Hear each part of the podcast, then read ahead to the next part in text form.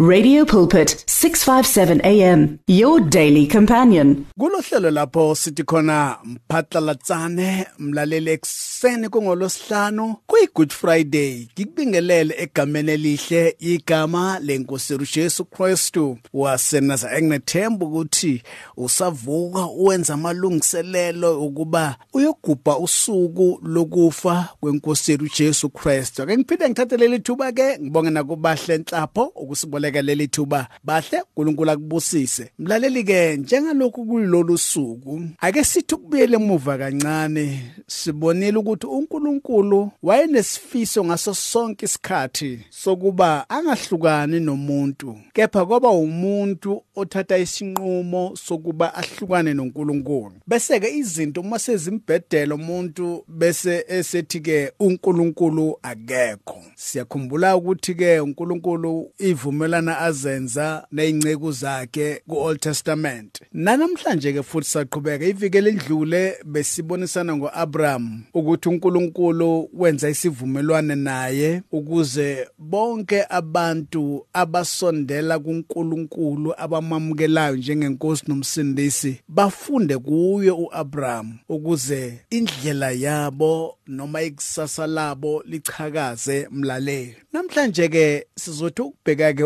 uMose siyakhumbula ukuthi ke abantwana bakwaIsrayeli baye bathunjwa ke mlaleli baye ezweni laseGibhithe lapho bagcilazwa khona ngendlela engakazi ibona kepha ke isikhalo sabo mlaleli izwi lenkosi lithi ke safinyelela kuNkulunkulu. uNkulunkulu wabona kukuhle ukuba akhethe umuntu onentshisakalo yokukhulula abantu. Akamane nje akhethe umuntu mlaleli. uMose uNkulunkulu wabona ngempela ukuthi lo unentshisakalo ngabantu. Ngakho ke ukusebenza ngabantu umlalelo kumele ube nobizo lwabantu. Ungachazwa imiphumelo noma ama position eh nawo siyazibeka ukuthi ke manje sengifuna ukusebenza ngabantu. uNkulunkulu wabona impilo kaMose ngendlela enza ngakhona ezama ukukhulula abantwana bakwaIsrayeli. Ngakho ke uNkulunkulu wabona ukuthi ke nayi indoda enentshisakalo yokukhulula abantu. Banye ke mlaleli bazibize bufundiseni ufica sebenza izinto ezingafanele. Kepha ke kumele ube nentshisakalo yokukhulula abantu yokusebenza nabantu. Ngithe kuwe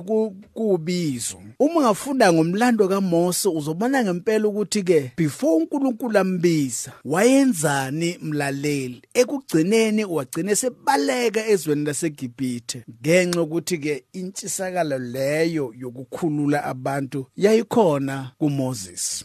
Ake ngibuze kuwe osebenza ngabantu. Unalo ubizo yini lwabantu? Unayo yini intshisakalo ngabantu? Nginethemba ukuthi uMose wayebengabapheleli inhliziyo. Kufuneka abantu abanjalo umlaleli. Hayi abazobheka ukuvuna ebantwini kepha yena engenayo intshisakalo yokusebenza ngumuntu ake sizwe ke izwi lenkosi laphayana ke kuExodus chapter 3 ngesithi ke ukufunda ke eh ku verse 10 siza ukuthi izwi laNkuluNkulu lona lithini ngakho hamba ngiya kukuthuma kuFaro ukuba ukhiphe eGibhithe abantu bami abantwana bakwaIsrayeli. Mlaleli uNkulunkulu usumphinisela back la abaleka khona mlaleli. Usimbuyisela ke khona lapho. Izwi lenkosi lithi ke uthi ke hamba ngiyakukuthuma ukuba ukhiphe abantu bami ezweni laseGibhithe.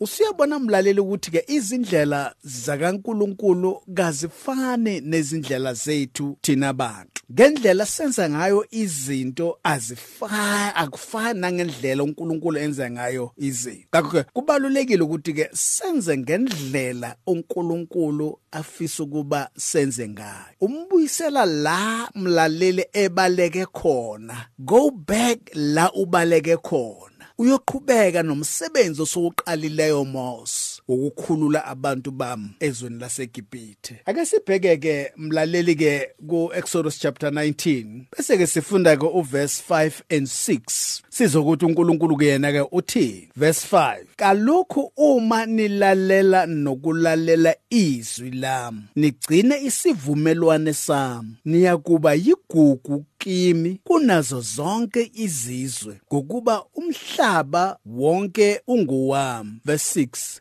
nibe ngumbuso wabapristi kimi nesizwe esingcwele yilawo mazwi oza kuwakhuluma kubantwana bakwaIsrayeli. Usuyabona ke la uNkulunkulu usunikeza uMose amazwi azawakhuluma kubantwana bakwaIsrayeli mlaleli.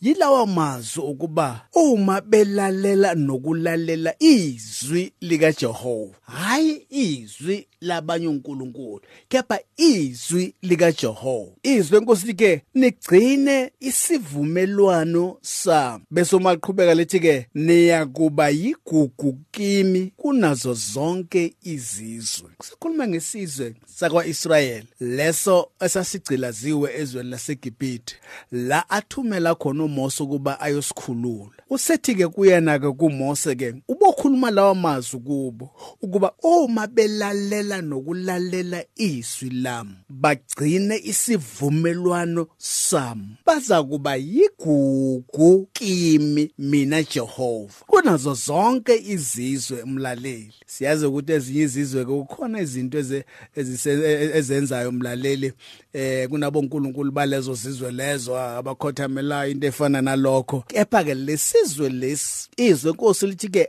uma sigcina izwi lami silalela nokulalela izwi lami sigcina isivumelwane siyakuba yigugu kuJehova. Kunazo zonke izizwe. Ngokuba uma seqhubeka sithi ke ngokuba umhlaba wonke ungowami. Ngamagama ukugcina isivumelwane sika Jehova ulalela izwi lika Jehova kunomphumela omuhle ukuba uzaba ligugu kuJehova mlaleli. Ngakho ke uma usiligugu kuJehova akakho umuntu mlaleli ongaba namandla ngaphezulu kwakho. Uyophila ungcebeleke ngoba uJehova uthi ke izwe kungelakhe ayikho into ozoyisaba mlaleli ngenxa ukuthi ke ugcina isivumelwano sika Jehova ulalela izwi lakhe ugcina nesivumelwane sika Jehova. Ngakho ke uzoba yigugu kuJehova. Uyakhumula ukuthi namanye amazwi elithi izwi lenkosi othinta nina uthinte inhlavu yeso lika Jehova.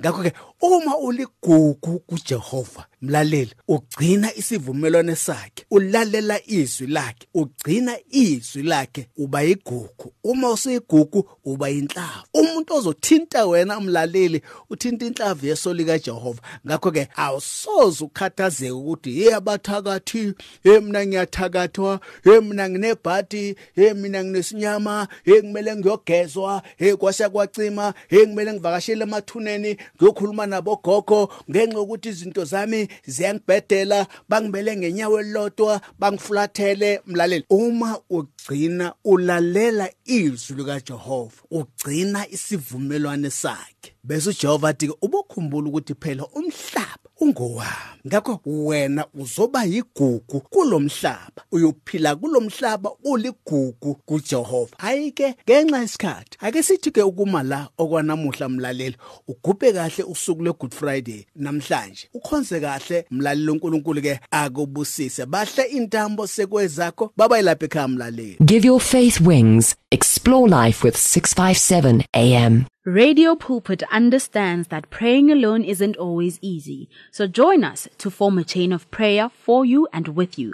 To send in prayer requests, contact 067 429 7564 or alternatively email us on prayer at radiopulpit.co.za. Many people across South Africa are being blessed and encouraged by the Radio Pulpit devotional magazine, The Word for Today. This publication places the gospel of Jesus Christ in the hands of more than 100,000 people every day, inspiring every person, from the professional businessman to the needy person who lives on the streets. Each edition contains daily scripture based devotionals and inspiring articles to help you grow spiritually. The booklet is given with the compliments of Radio Pulpit, but your donation, large or small, will help us to print the next edition and continue being the hope of the gospel to a world in desperate need. The word for today. Get yours today on 012 334 1200 or subscribe online at www.radiopulpit.co.za. Radio Pulpit, your daily companion. You and 657 AM and life. A winning team on the road to eternity.